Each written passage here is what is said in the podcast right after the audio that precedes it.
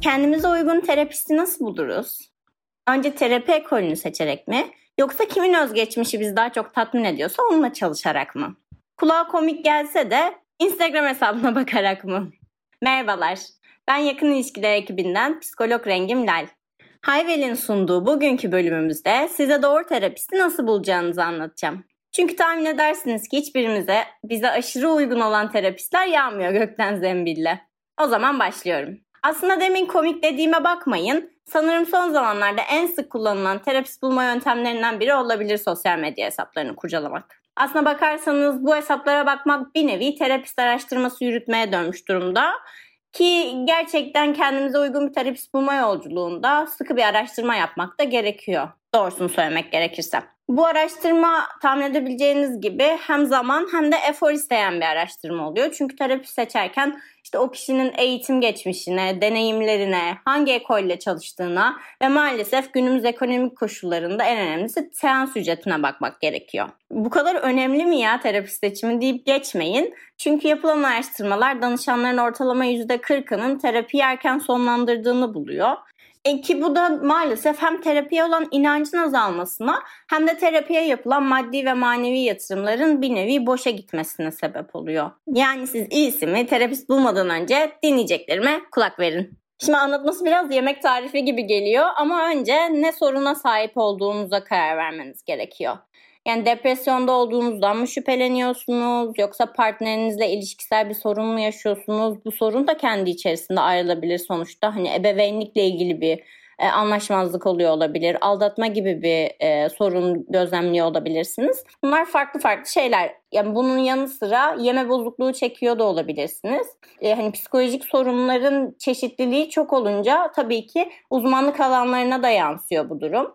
Siz bu sorunuza karar verdikten sonra araştırmanız sırasında o konuda uzman olan birini bulmanız gerekiyor ki terapi süreciniz daha sağlıklı geçebilsin. E peki bunu nereden bulacağız? Hani hangi insanın ne çalıştığını nereden bileceğim diyorsanız genellikle uzmanlık konuları şeylerde yazıyor. Terapistlerin internet sitelerinde yazıyor. Yani ismini Google'da arattığınızda az buçuk ne çalıştığını, nerelerden mezun olduğunu yani o konularda bir bilginiz sahip, bilgiye sahip olacaksınızdır.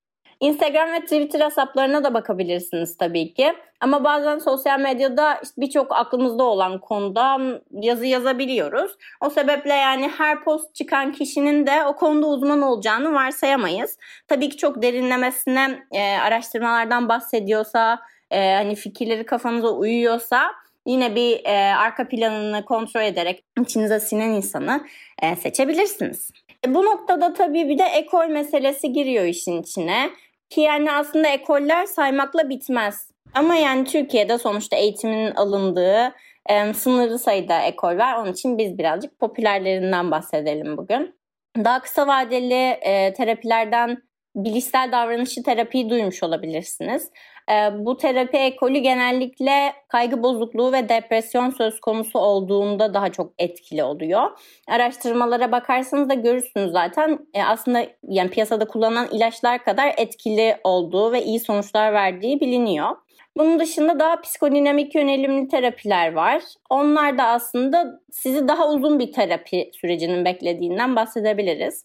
Hayatınızı çok o an yani yoğun bir şekilde etkileyen ve acilen bir çözüm bulmanız gereken bir durum söz konusu değilse belki bu terapi ekolünden bir uzman ile görüşmek uzun vadede size daha iyi gelebilir.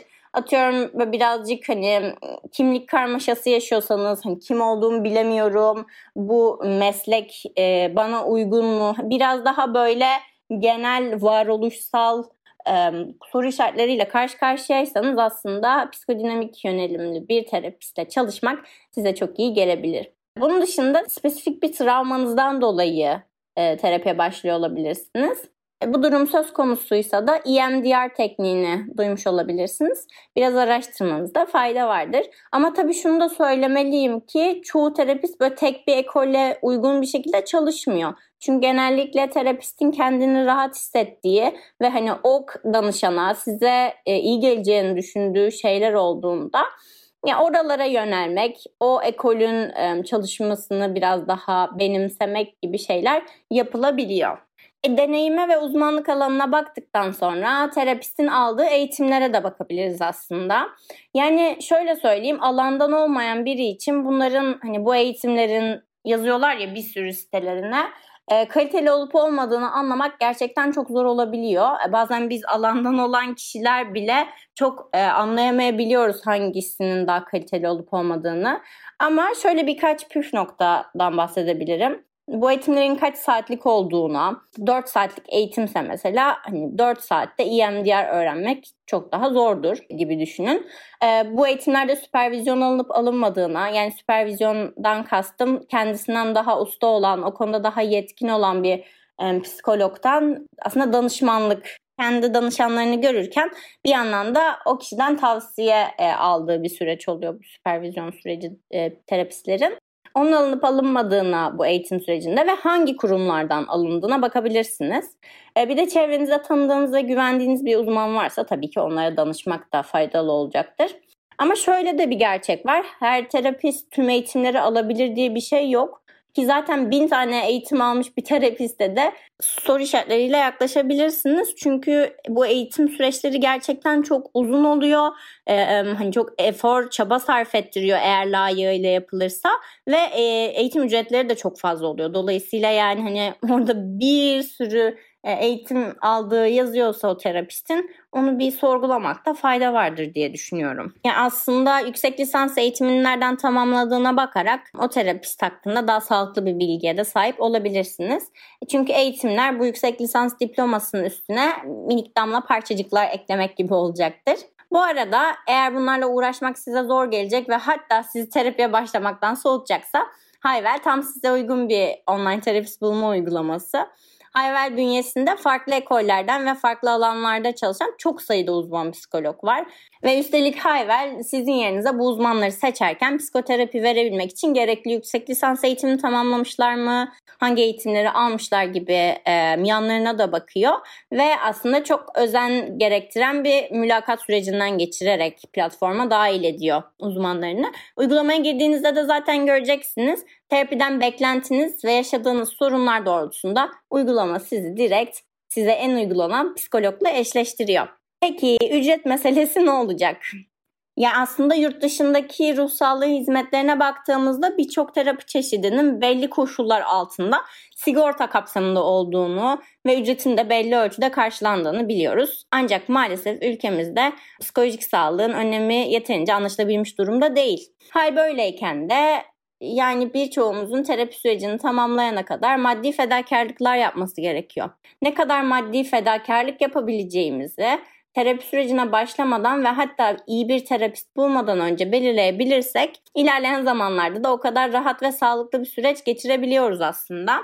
Çünkü eğer hani başta bunu çok net kararlaştırmazsak o an bir terapist aşırı içimiz sindi atıyorum diyoruz ki tamam ya bir şekilde hani ödemeye çalışırım falan diye kendi kendimize hani minik yalanlar söylediğimizde sonra sürecin ortasına geliyoruz. E bir bakıyoruz inanılmaz zorluyor bizi hani bu ekonomik düzenleme. Öyle olunca da yani terapi biraz daha aslında halkımızın lüks olarak gördüğü bir harcama olduğu için ilk feragat edilen şey o oluyor maalesef. Yani şimdilerde duyduğumuz ücretlerden ötürü tabii terapi gözümüze ulaşılamaz görünüyor olabilir. Ancak her zaman için daha uygun ücrete çalışan terapistler olduğunda unutmayın. Aramaktan vazgeçmeyin. Uygun ücretten bahsetmişken genç terapistlerle çalışmaktan çekinenlerimiz de olduğuna eminim. Yani o konuya da şöyle bir açıklık getirebiliriz. Ee, yaşı daha küçük olanlarımız bile aslına baktığımızda daha deneyimli bir terapist bulmak için yaşı kendinden çok büyük e, terapistler arayabiliyor. Ancak tabii ki alanda geçirilen süre arttıkça o terapistin hani alandaki deneyimi arttıkça terapi ücretleri de artıyor. Her sene belli bir miktar zam getiriyor. Aslında hem teorik hem de pratik eğitimini tamamlamış. E, yine bu pratik eğitimden kastım süpervizyon sürecini tamamlamış. Terapistlerin alanda çalışmak konusunda yetkin olduklarını söyleyebiliriz.